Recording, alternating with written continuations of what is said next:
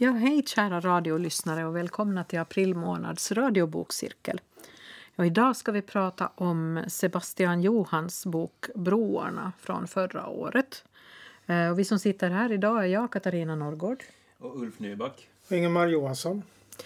Jag ska börja med att, att berätta lite grann om, om författaren och boken. Eh, även om säkert många ålänningar känner till Sebastian Johans. Eh, för eftersom han är född på Åland 1978 eh, och han är numera bosatt i Sverige, i Uppsala. Eh, han är mestadels verksam som kulturskribent och konstkritiker och bland annat i Dagens Nyheter och Borås Tidning. Och boken Broarna så är hans första roman. Eh, och den är nominerad som Ålands bidrag då till, till, eller kandidat till Nordiska rådets litteraturpris. Och den har väl lite den har jämförts med Mobergs in, Utvandrarna, invandrarna. Fast den är kanske lite, den har nog en annan känsla. Den har också jämförts en del med Ann-Louise Bertels Vänd om min längtan som också handlar om emigrationen. Och i korthet då om handlingen så kan man säga att eh, det handlar om Karl och Ida Levina som lämnar Åland för USA 1904. Och de känner inte varandra från början men de träffas och bygger ett liv tillsammans där.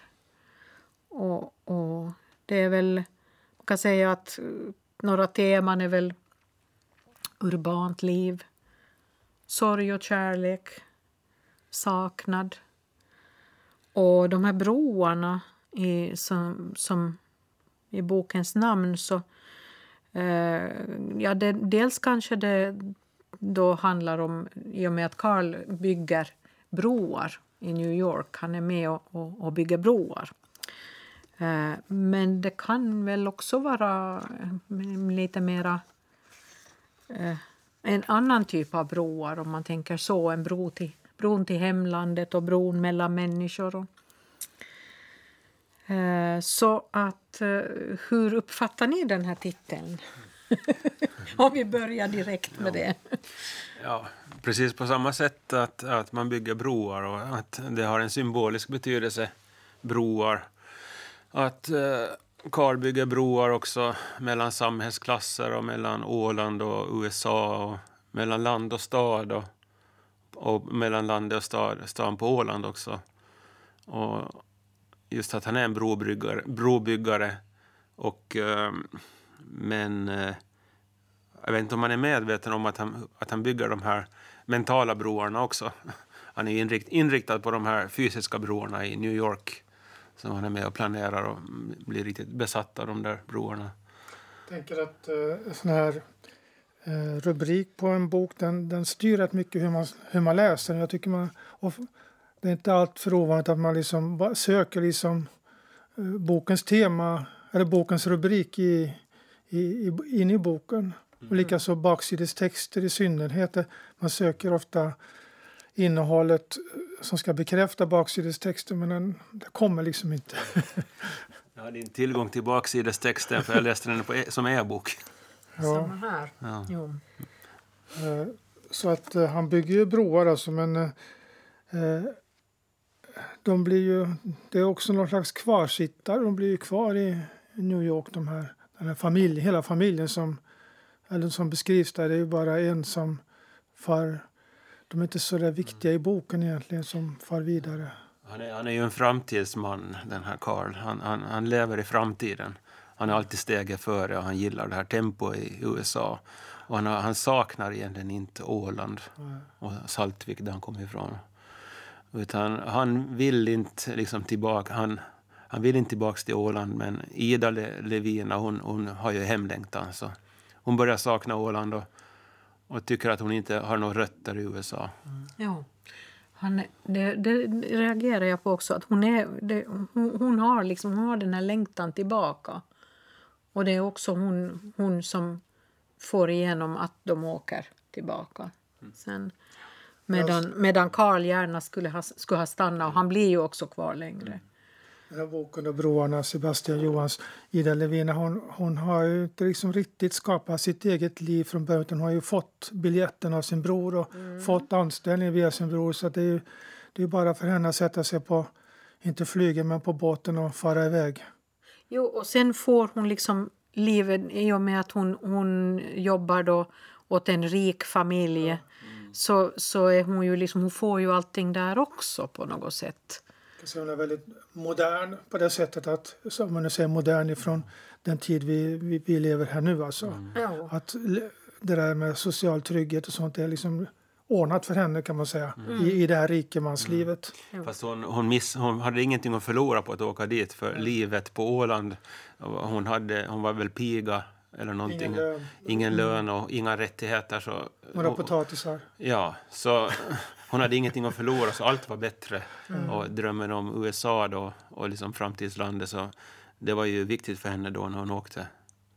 Eller hon, hon hade ju den där drömmen också om det. Och jag funderar på att jag, tyck, jag tycker om den här boken. Jag tycker, det är liksom mitt utgångsläge. Att jag har ingenting att... eh, jag, jag tycker den är kul att läsa. Jag tycker den gör, det finns mycket som jag får ta till mig där. Men samtidigt så undrar jag, är den, liksom, är den skriven för sent på något sätt? Hur så? Ja, men de här böckerna är redan skrivna tidigare. Vi talade om Vilhelm Moberg och, det, och det här är det åländska utvandrareposet, visserligen då i en, i, i, inom två pärmar, ganska, i- ganska få sidor trots allt. Ja, men det som jag tyckte var bra med den här boken var det åländska perspektivet. Ja. Att jag saknar kanske en utvandrarroman, en åländsk sån. Och nu, nu kom den. Ja. Och det finns ju från Österbotten, finns ju Colorado Avenue och det finns den här som vi läste här i bokcirkeln, eh, Bertels. Visst var det? Ja, Nej, om vilken min var det? längtan är den som handlar om USA. Ja, men vi läste, vi läste ju någon sån här österbottnisk mm. utvandrarroman också. Eh, Men åländsk, eh, det har jag saknat faktiskt. Så, och det, det, jag är tacksam att den kom, den här boken, för jag gillar den här kopplingen tillbaks också till Åland. Jag tyckte också om det, men jag tycker det är bara liksom en, retor, eller en, en fråga som inte har med boken att göra. För jag tycker boken är bra, alltså, men eh, är den, är den liksom otidsenlig på något sätt eller är den tvärtom väldigt tidsenlig? tänker som så att, att eh, det är nog ganska typiskt. Det är många, många författare idag som, som gräver där de står, om man säger så. Att de, de, de gräver sin egen släkts historia. Det är väldigt vanligt egentligen. Det har blivit populärt verkligen. Det kanske alltid har förekommit, men jag tycker att det känns som att det är mera nu. Och så är det ju med den här, att det är ju, det är ju Sebastian Johans egen familjekrönika så att säga. Jag Det är talade hans med släkt. en, en kompis när jag var på väg hit och sa att vi skulle banda det här samtalet idag. Då berättade han att eh, den, det som är den här eh, Lydia, ett av barnen, hon dog för inte så länge sedan, 100 år gammal. Ja. Precis. Om, om det nu är en återgivning eller ett försök att gräva i sin his, egen historia. Mm. Jo. Och den börjar ju liksom på, i Mariehamn, eh, i någon tomt, och den slutar väl också där.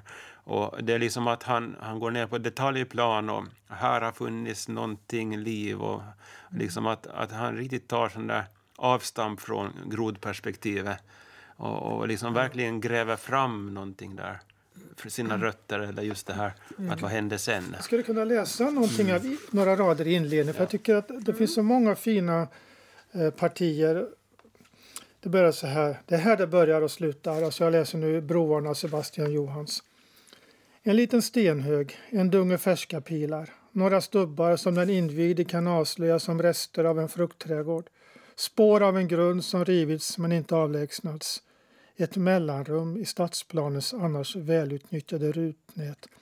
En icke-plats mellan platser som inte bara finns utan också har ett syfte. Och så vidare. Det är det jag menar. Det, det är så bra början på, på Ja. historia. Sen, eh, det som jag reagerar på, det här är ju en roman men den har ett ganska intressant format för att vara en roman.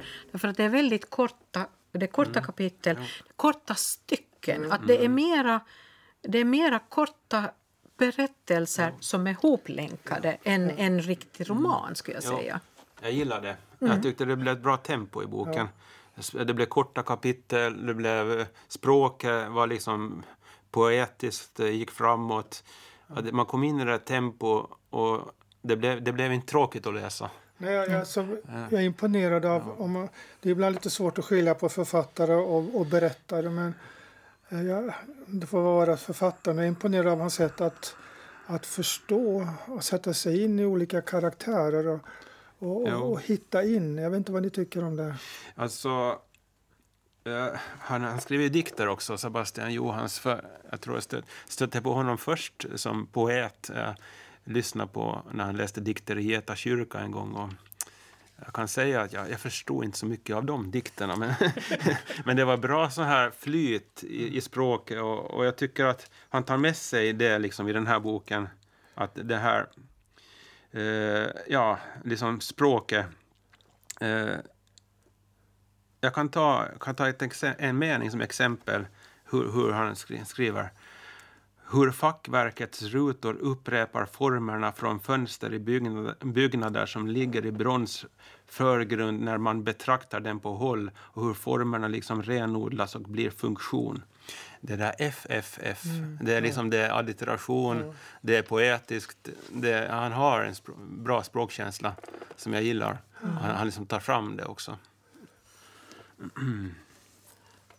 Ja, jag tycker eh, för det här med att vad det känner igen vet jag inte riktigt om det är liksom själva identiteten. Jag tycker att han tar upp uh, det, vi kan ju förstås hoppa lite här då och uh, Ida Levin när hon har förlorat ett barn, drunknat och så kommer då prästen på besök, eller prästen och diakonen. Mm.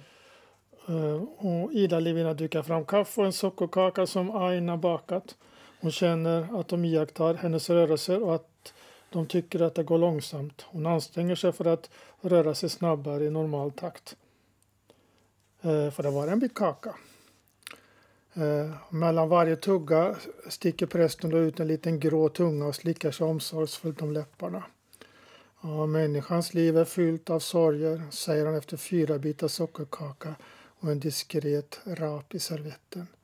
Men det finns hjälp att få. Vår Herre har inte lämnat oss alena med den mänskliga lidandet och så vidare. Så, eh, finns det en hel sida med bibelcitat här. Då. Mm. Floskler. ja, jag tycker det är en bra karaktäristik. Alltså, ja. Det behöver inte vara alla präster kan ju förstås slå i bakut om man säger att det här är en typisk präst. Alltså, men jag tycker ändå att han hittar in i på något sätt i en, en del av, av en yrkesroll. Jag tycker jag ställer mig kritisk till den där beskrivningen av prästen där det är riktigt som han driver med prästen. Just det, det kommer fem bibelcitat, sex bibelcitat och man liksom kan han aldrig sluta. Uh, och, och liksom, de förstår inte riktigt Ida Levinas sorg och det, det, är här som egentligen konflikten uppstår i den här boken tycker jag, när Ida Levina förlorar sitt barn. Och och det är här som dramatiken kommer in. Och liksom, jag saknar lite dramatik i den här boken fram till det. Men mm. det, och det här psykologiska djupet saknar jag också fram till, fram till det här. För sen blir det svårt mellan Karl och Ida Levina. Det blir inte så lätt mer och ingen förstår riktigt. Hon får aldrig prata ut om det här förlusten av barnet, mm. Ida Levina. Men det här, ja. Eh, den här konflikten, mm. jag tyckte det är lite intressant då, när det gäller religionen här tron är att här är det männen som, eh, som är troende, så där, djupt troende, medan kvinnorna mer ser, ser det lite från sidan. Om man tar från Ålands perspektiv idag så är det tvärtom, liksom att det är, det, det, det är kvinnornas ja. sak. Mm, ja, ja. Det här med kyrkan. Som religionen i USA, det, det var så, så, så, så, ganska naturligt egentligen att man ska vara med i en kyrka. Och, och Karl är också med i kyrkan, men lite sådär passivt, att det hör till att man ska vara med.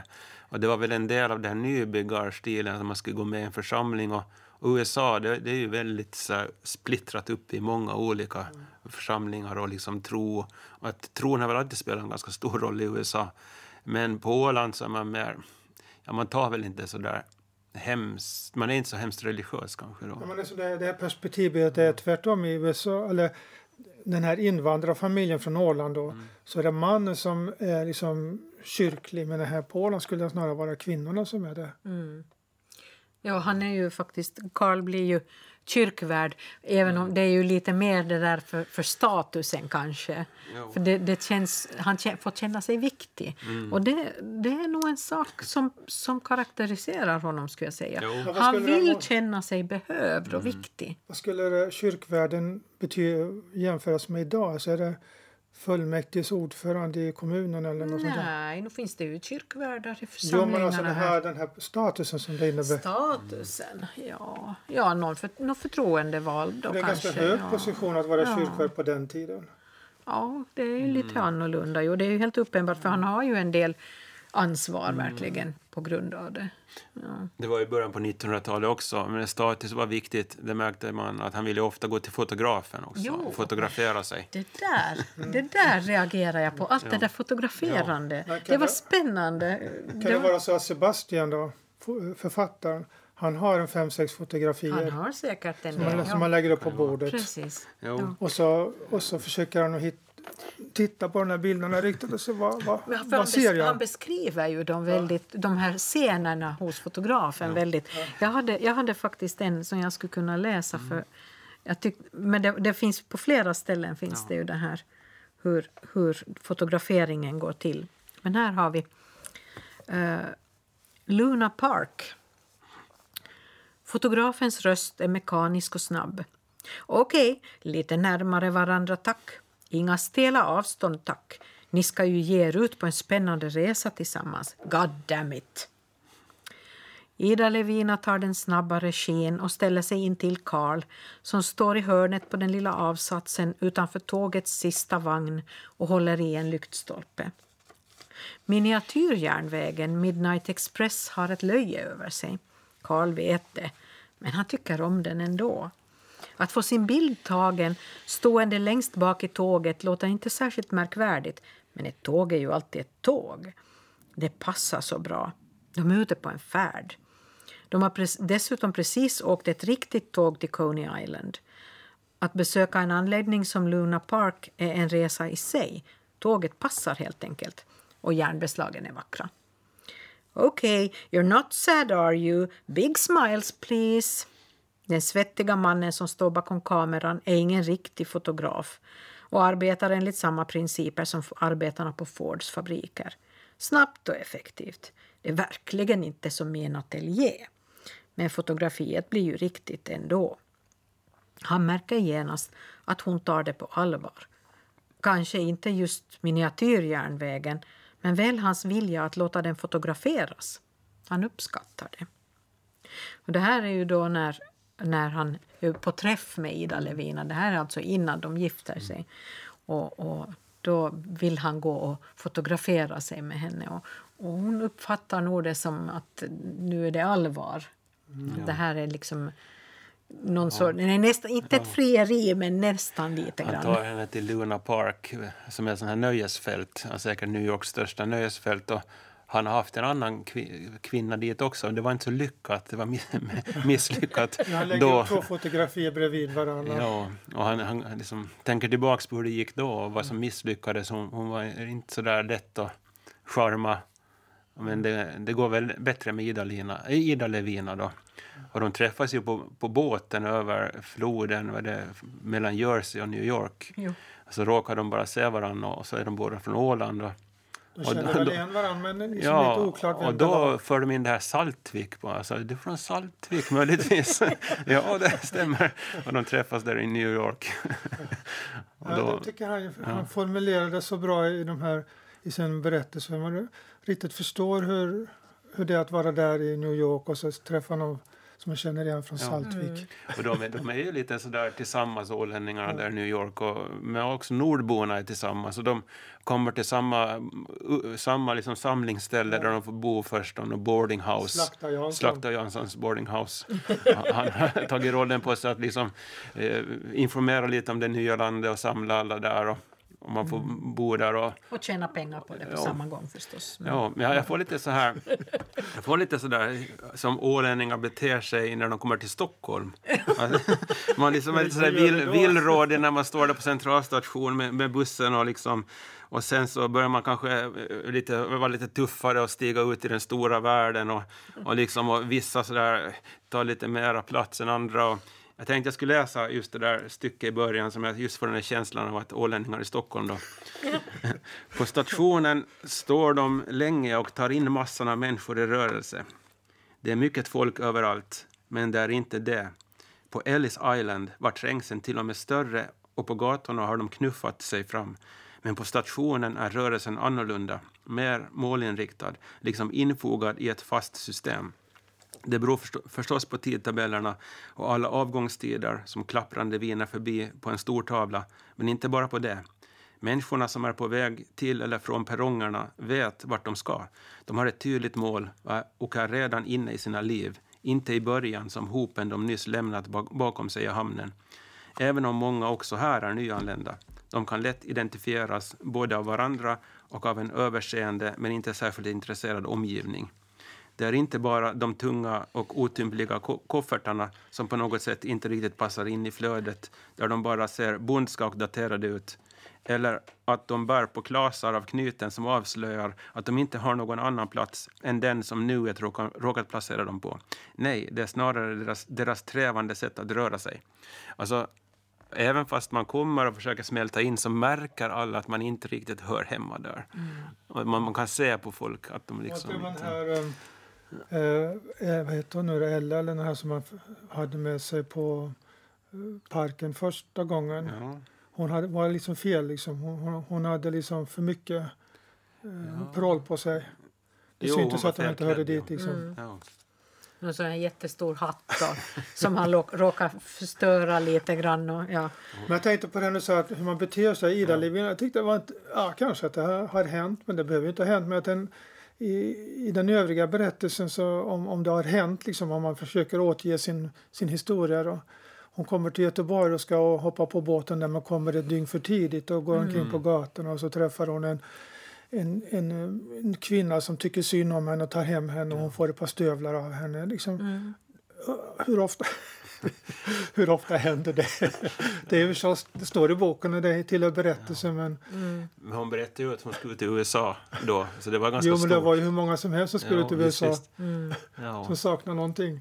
Mm. Ja, nej, det är lite intressant faktiskt att, Mm, och de att, där eh, stövlarna hon, hade hon har tur, verkligen. Ja, Sitter och sover på en parkbänk och så är det en, en vänlig människa som Ja, plockar upp henne och inte någon eh, bordellmadam. Efter, ja. det, istället är det ju ofta någon som plockar av någon grej man har. Man en Hon park. försökte ju sova på en parkbänk, ja. Men det var de som sa att det, det där går inte för sig. Mm. Att, eh, den är ganska intressant den där rutten som de åkte. Först Stockholm och sen Göteborg och sen eh, över till England och sen till Liverpool och, och sen var det båten och sen var det New York och sen var det Manhattan. Så visste man ändå inte om man fick komma in. Kanske man fick åka tillbaka direkt om det var något fel på, Ja. på en. Så var det ju. Det, var en lite granskning. sorteringssystem där. Jo. Det, Jo. Ja. Jag tänkte läsa faktiskt en, en liten kort eh, sak och det var det här eh, just Vilken bok läser vi? Ja.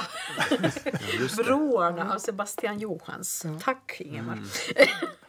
Eh, det var, vi, vi pratade om att Karl var så här, han, han ville inte vara provinsiell. Han ville vara liksom en ny, han, han ville vara den här nya amerikanska personen. Han, vill- han, han kände liksom, han ville bli ett med det här nya landet. Eh, och han ville också gärna stiga, få, få en karriär, stiga lite i graderna. Eh, så det här är en kort beskrivning och det här är ganska tidigt i boken. Det händer att Karl får följa med och plocka upp daglönare. Han njuter. Väljer först de egna, de han känner igen, de som liknar honom själv. Allra först bekanta hemifrån förstås. Det brukar finnas ett par av dem varje gång. Och sen svenskar och finnar och norrmän. Han ångrar sig varje gång. Han vill inte vara så provinsiell. Det finns alltid yngre, starkare män som blir lämnade för att de tunna banden i stunden väger tyngre än duglighet. Det är inte värdigt en plats som New York. Det är inte ett beteende som gynnar produktiviteten. Men nästa gång gör han ändå likadant. Mm. Vackert skrivet. Jag tycker det är väldigt vackert språk Jo. i det här också. Han, vill ju, han följer liksom sin vilja. Eller, han vill ju skapa sig en ny framtid. Och bli, han blir en ny person där, Carl. Och eh, han får lite kritik av sin bror som inte är lite, inte samma, samma typ. Teddy, Ja. eller halvbror egentligen är han. För eh, hans, de, har inte, de har inte samma pappa de här två. Ja. Eh, Men eh, han, han är fackligt engagerad och, och det är ju inte Carl. Han, han är inte så intresserad av det. Och, och Teddy han hamnar lite i dåligt sällskap. Han, han super och, och han har mycket kvinnor, kvinnor där ska i nätterna. Han ska hämtas. Och han, han har, han har liksom sån här... Han jobbar på kontor han, han liksom hade bra förutsättningar men han tar, li, han tar dagen som den kommer lite. Han flyttar omkring och, och eh, Carl är inte alls så, sån utan han är sådär, han går rakt fram och liksom han en- engagerar sig i de här broarna som de bygger mm, över, över sunderna i New York och, och han kan alla broar från början och han, han lånar ritningar av någon polack och, och liksom han läser in sig och han verkligen satsar. Och, men eh, Teddy han har en förmåga att flyta på ytan och klara sig i alla situationer. Så, men eh, han kritiserar däremot Carl sen när det blir första världskriget att, eh, att det hör till Europ- alla europeers liksom skyldighet att, att hjälpa sitt land, Finland, i kriget och mot tyskarna. Då. Men det tycker inte Carl. Carl han, han, han tycker att han, han lämnar det där bakom sig. Han ska, han ska inte tillbaka till kriget. Och Han, så här. han följer ju prästens råd och att eh, Mm. eh, man, en plats i himlen hjälper ingen på, Nej. i Europa. Liksom. Nej, prästen har lite annan syn. Och, och det kommer upp liksom anslag i USA också att, att hjälp, eh, hjälp Europa, då, de allierade i kriget. Och många tar värvning. Och, men det, det känner inte Carl och de här för inte. Men däremot Teddy, han, han blir väl, han går, tar värvning då. Men det blir ingen riktig konflikt där, för Ted, Teddy han, han alltså Karl rev ju sönder um, inte inkallelseorden men acceptansen i alla fall vad det nu kallas. Mm. Och, och, och Teddy accepterar det som något, någonting positivt egentligen. Han- Han slappnar av. Han slipper åka till Europa och, och, Ja. och, och få en plats i himlen. Men det är lite intressant hur de åker, splittras de här ålänningarna som åker dit. Och Ossian finns det en som heter som är Karls och som är prästson och som etablerar sig i Chicago. Och det råkar sig konstigt nog så att, att, att hans fru träffar Ida Levina i Mariehamn sen efteråt att de är grannar. Och, och då visade det sig att Ossian, då, som, som var Karls vän som bodde i Chicago, hade flyttat tillbaks till, till New, New York för att det gick lite dåligt för honom och hamnade då i samma hus som, som Karl bodde i. Och han, blev, han blev och bodde där en, en tid. Och eh, han skriver för tidningar och eh, nordiska tidningar i USA. Det är lite som en Klas Klättermus ungefär. Han omkring. Att man, kom, man åker omkring och liksom tar jobb där han har varit uppe i Montana och, och jobbat där på några byggen och skröt mycket om vargarna som fanns där uppe och han hade mycket historier. Och, och det, det handlar om att etablera sig där i USA, att liksom slå sig fram. Han var där lite före, han kunde språket, han hade mycket råd till de här som kom, de här nyanlända. Och, Det är inte så att hans, som du tar om hans fru i Mm. Mariehamn, det var hon som skickade pengar till oss, lite tvärtom. Ja. så? Alltså, men, men just den här Ossian, väldigt, de är ju goda vänner och så Karl och han, men han är, de är väldigt, väldigt olika. För Ossian är definitivt en sån här som alltid kommer ner på fötter på något sätt. Alltid tar sig fram. Ja. Han är just, ju utan bostad där och, och, och får eh, och ordnar en, säng hemma hos eh, Karl. Det här med Karl och det här med broarna. Alltså broar är väldigt sådär statiska och stabila och liksom går lätt sönder. Alltså om, om, det, om det, ja, de går inte lätt sönder, man tror på dem. Men att Karl är lite likadan. Att han, han är sån här stabil, han, han, är liksom, han är inte flexibel överhuvudtaget. Han, han skulle lätt kunna brytas. Och det, det, han bryts också när det blir depression. Han har inte den här förmågan att liksom ändra sig Han är precis som en bro, han är precis som en sån här konstruktion av stål Ja, för som, han, som, han, han, som han bygger. han menar på att nu, nu, nu, nu är det eh, en, en jordbävning i San Francisco. Nu behöver de virke och bygga upp igen. Mm. Ja. Och det, det går inte hem hos Karl riktigt. Och han kan inte språket lika bra som de andra. och Lite sådär, att han, han är mera sådär eh, jordnära eh, nordbo, bonde. Som åker Och till, noggrann med att håret alltid ska ligga Ja. Ja, snyggt. jag tycker att... Den, den, den, här, jo, jag tycker om just den här... Den dy- dyker upp flera gånger när han fiskar fram sin lilla stålkam ur fickan och, och snyggar till håret innan någonting ska hända. För alltid måste man ju vara snygg i håret. Så det är egentligen inte riktigt slut. Men jag skulle vilja läsa något. Det är så vackert här. Det, det- kommer i slutet. Vi, bland, vi hoppar ju lite här hej Vi vilt. hoppar ganska mycket. Ja. Ja, men för det är så vackert när det, som du säger det där så... Mm. Eh, eh, det är något främmande och malplacerat över honom, det är alltså Karl. Och det är Ida Levina som tänker det här. Är det för att han inte döljer sin trötthet och sitter så avslappnat och hopsjunket? Nej. Sen ser hon det, det är håret. Karl har inte gjort som han brukar och kontinuerligt lagt varje förrymt strå till rätta. Det står kanske inte på ända nu, men så långt har det inte gått. Men det är rufsigare än det brukar. Benen är inte rakt och kompromisslöst streck. Ida Levina lutar sig fram och stryker Karl över låret och låter sin hand leta sig in under den öppna kavajen. I skjortans bröstficka hittar hon vad hon söker och utan att säga någonting börjar hon försiktigt kamma honom och långsamt blir han allt mer lik sig själv. Den är jättevacker verkligen. Den är, ja. Jag, jag, jag läste det där också, log lite för mig själv. Det är sån här kärleksgärning, men så här stillsam. Jo. då, då är det inte bra om, om håret inte är ordentligt Nej. fickan. Han får riktigt kämpa för att inte ta fram kammen i, i vissa lägen när han förstår att det inte är passligt riktigt. Ja. Jag tycker den här boken var ganska mycket delad mellan kvinnligt och manligt också. Att han ger de här kvinnoporträtten mycket plats. Ja, Och det är sant. Ibland känns det som att det här kvinnliga tar överhanden. No, no, no. No, Ja, inte sådär nu. Ja. Men att jag menar, det, det förklaras ju mycket av det att USA var ett föregångsland för kvinnor och, och de här idéerna från franska revolutionen kom ju dit och de, de tog plats och kvinnorna fick ju rättigheter tidigt och, och feminismen växte fram där tidigare än, än säkert i Norden. Och då så en kvinna hade ju mera frihet. Man fick till exempel fritid. Och det hade Ida Levina svårt att anpassa sig till när hon skulle börja jobba, jobba där hos den här rikemansfamiljen och ta hand om, om ett barn som inte alls var ett barn utan det var nästan, nästan jämngammal med henne.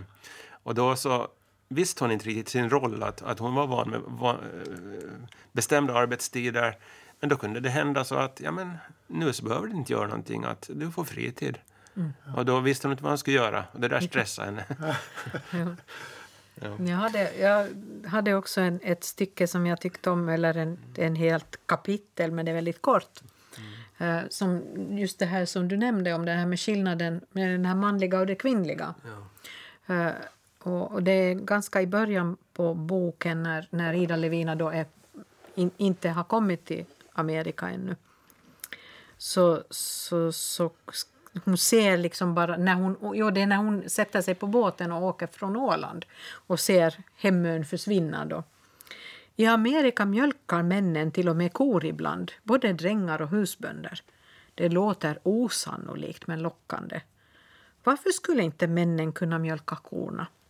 Vackra Anton gav gungstolen lite extra fart och drog sig i mustascherna som han brukade när de talade om känsliga saker och han ville visa att han tänkte efter och hummade fram något som Ida Levina inte riktigt kunde urskilja men ändå tolkade som ett åtminstone teoretiskt medhåll. Klart att en man kan mjölka.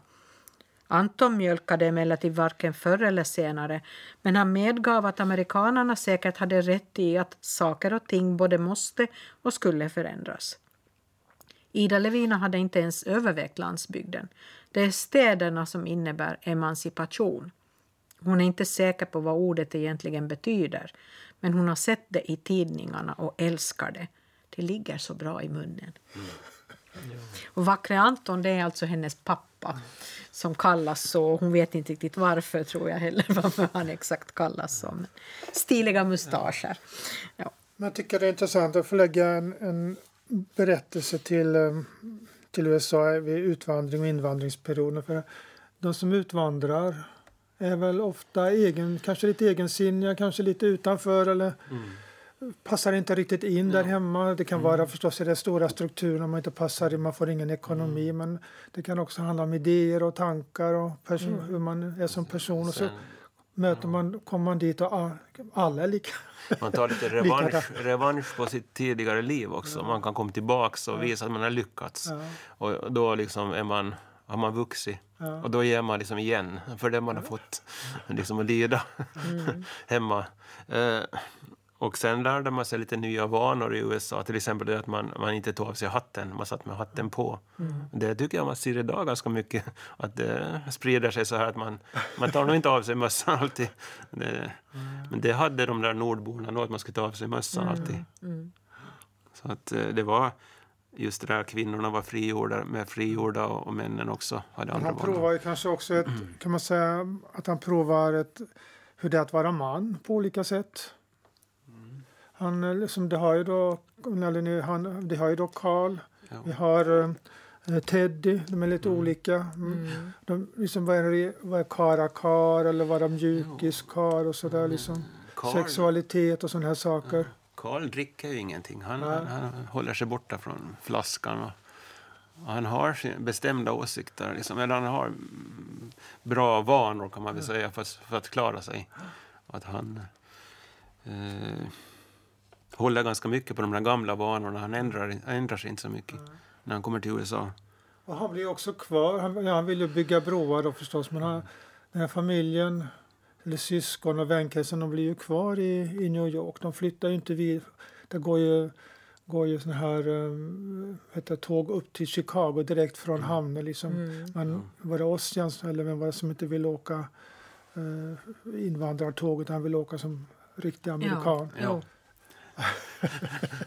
Men det, ja, så tänkte jag det finns, när jag läser boken så undrar jag vad ska, hur ska jag, man ska kritisera någonting, vad, eller vad är det som saknas? Jag tänkte, tänker på, det finns ett slakteri visserligen, där finns det djur alltså, i Chicago, eller det, hela stan är väl ett slakteri. Mm. Eh, men eh, det, finns det finns inte så mycket djur i den här boken. Nej. Ja. Nej, det är ju Finns det inte katter och hundar? Vad finns ganska urbant så det är inte så Trottoarer sånt. finns det. Man bygger. Ja. Mm. ja. Ja, det var ganska mycket material. Liksom. Det, var, det var inte så mycket My- mycket biologi, betong. inte, utan mera, mera så här fysik. kanske. Mycket, mycket Ja. stål och betong Jo. Och sånt. Jo, Jo, det är jag, faktiskt jag, sant. jag mär- märkte det att i den första delen av boken så fanns det inte repliker. Alltså det, fanns inte, det var bara berättande. Mm. Det fanns inte alls liksom eh, talsträck och repliker. Men så kom de sen då, så småningom, de här replikerna. Att han, han missade inte dem, Sebastian. Han la in dem sen. Och så saknar jag också lite dramatik i boken. Att det, det var mycket beskrivningar av hur de gick, de här, eh, hos den här eh, familjen, fina familjen i USA. De gick i parkerna där och det var mycket sån här vad de pratade om och liksom vad som, ja. Det hände inte så hemskt mycket. Men sen kom det här psykologiska perspektivet in i boken. Och, och just den här konflikten mellan Karl och Ida Levina när hennes barn dog. Och då fick man det här som man saknade i början också. Så det, allt kom liksom med. Men Är det, är det ett problem för, för den här boken att, att det saknas, att, att författaren inte går vidare på, på konflikttemat? Ja, jag vet inte det egentligen. För jag tycker också så nämligen. Jo, att, att det nej, det, saknas, är inga, det är inga direkta konflikter och det är inte så jättemycket dramatik.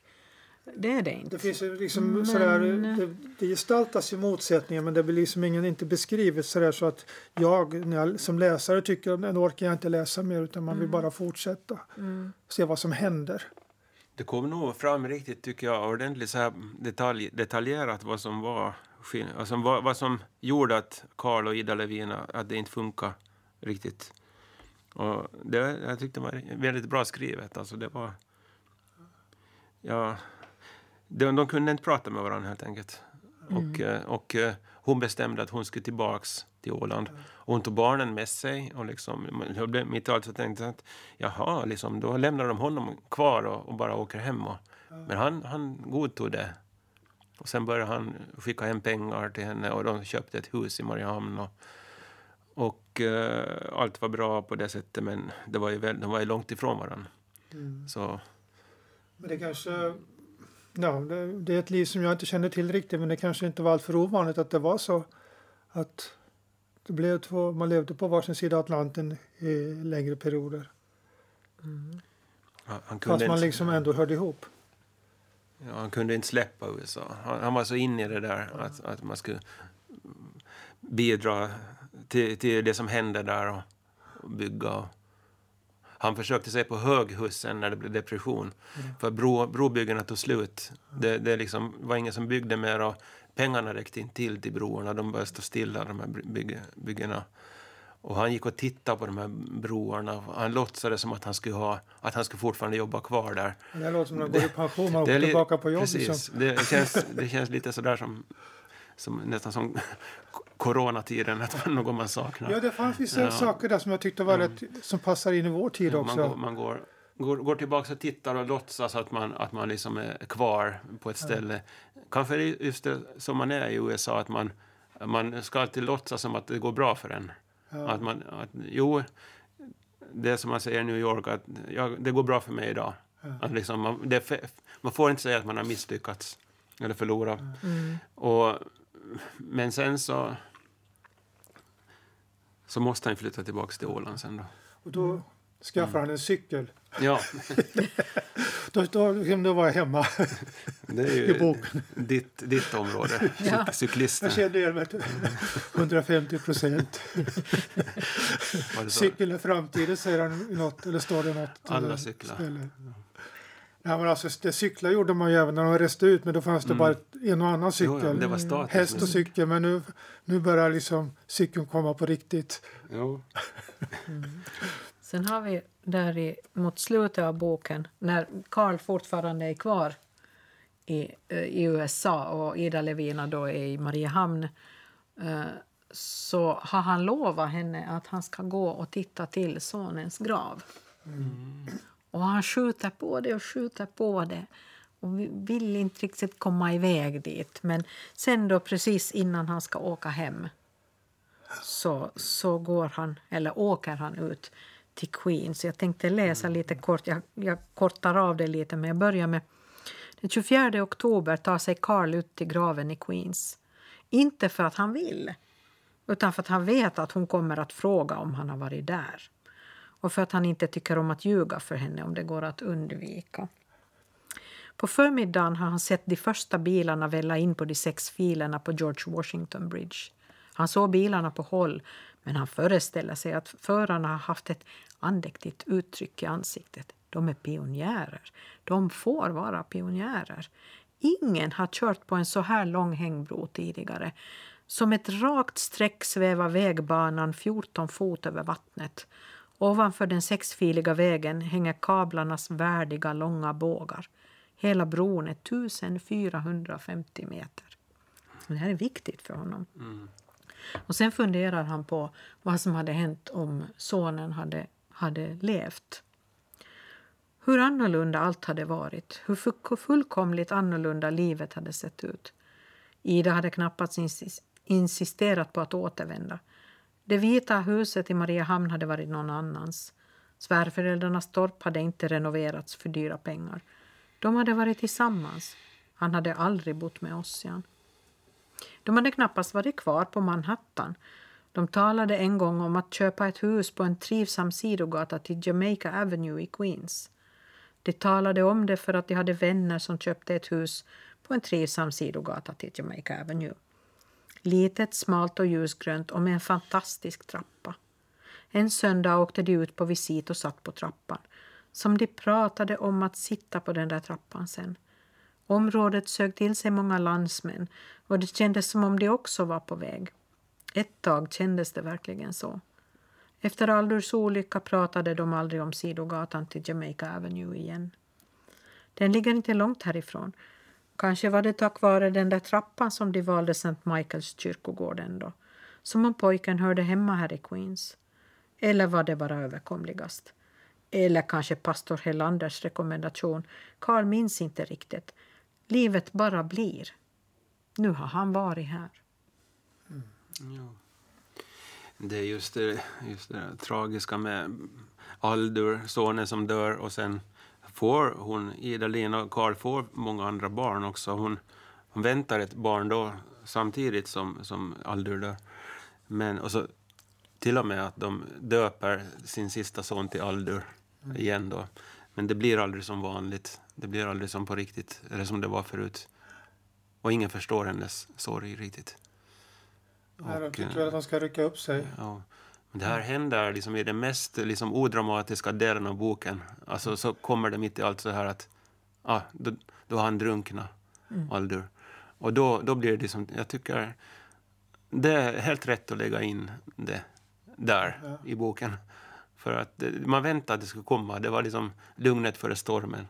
Det, det var ju lite, det fanns ju några vissa tecken på eh, sån här ordval som gjorde att man insåg att det här kommer inte att hålla.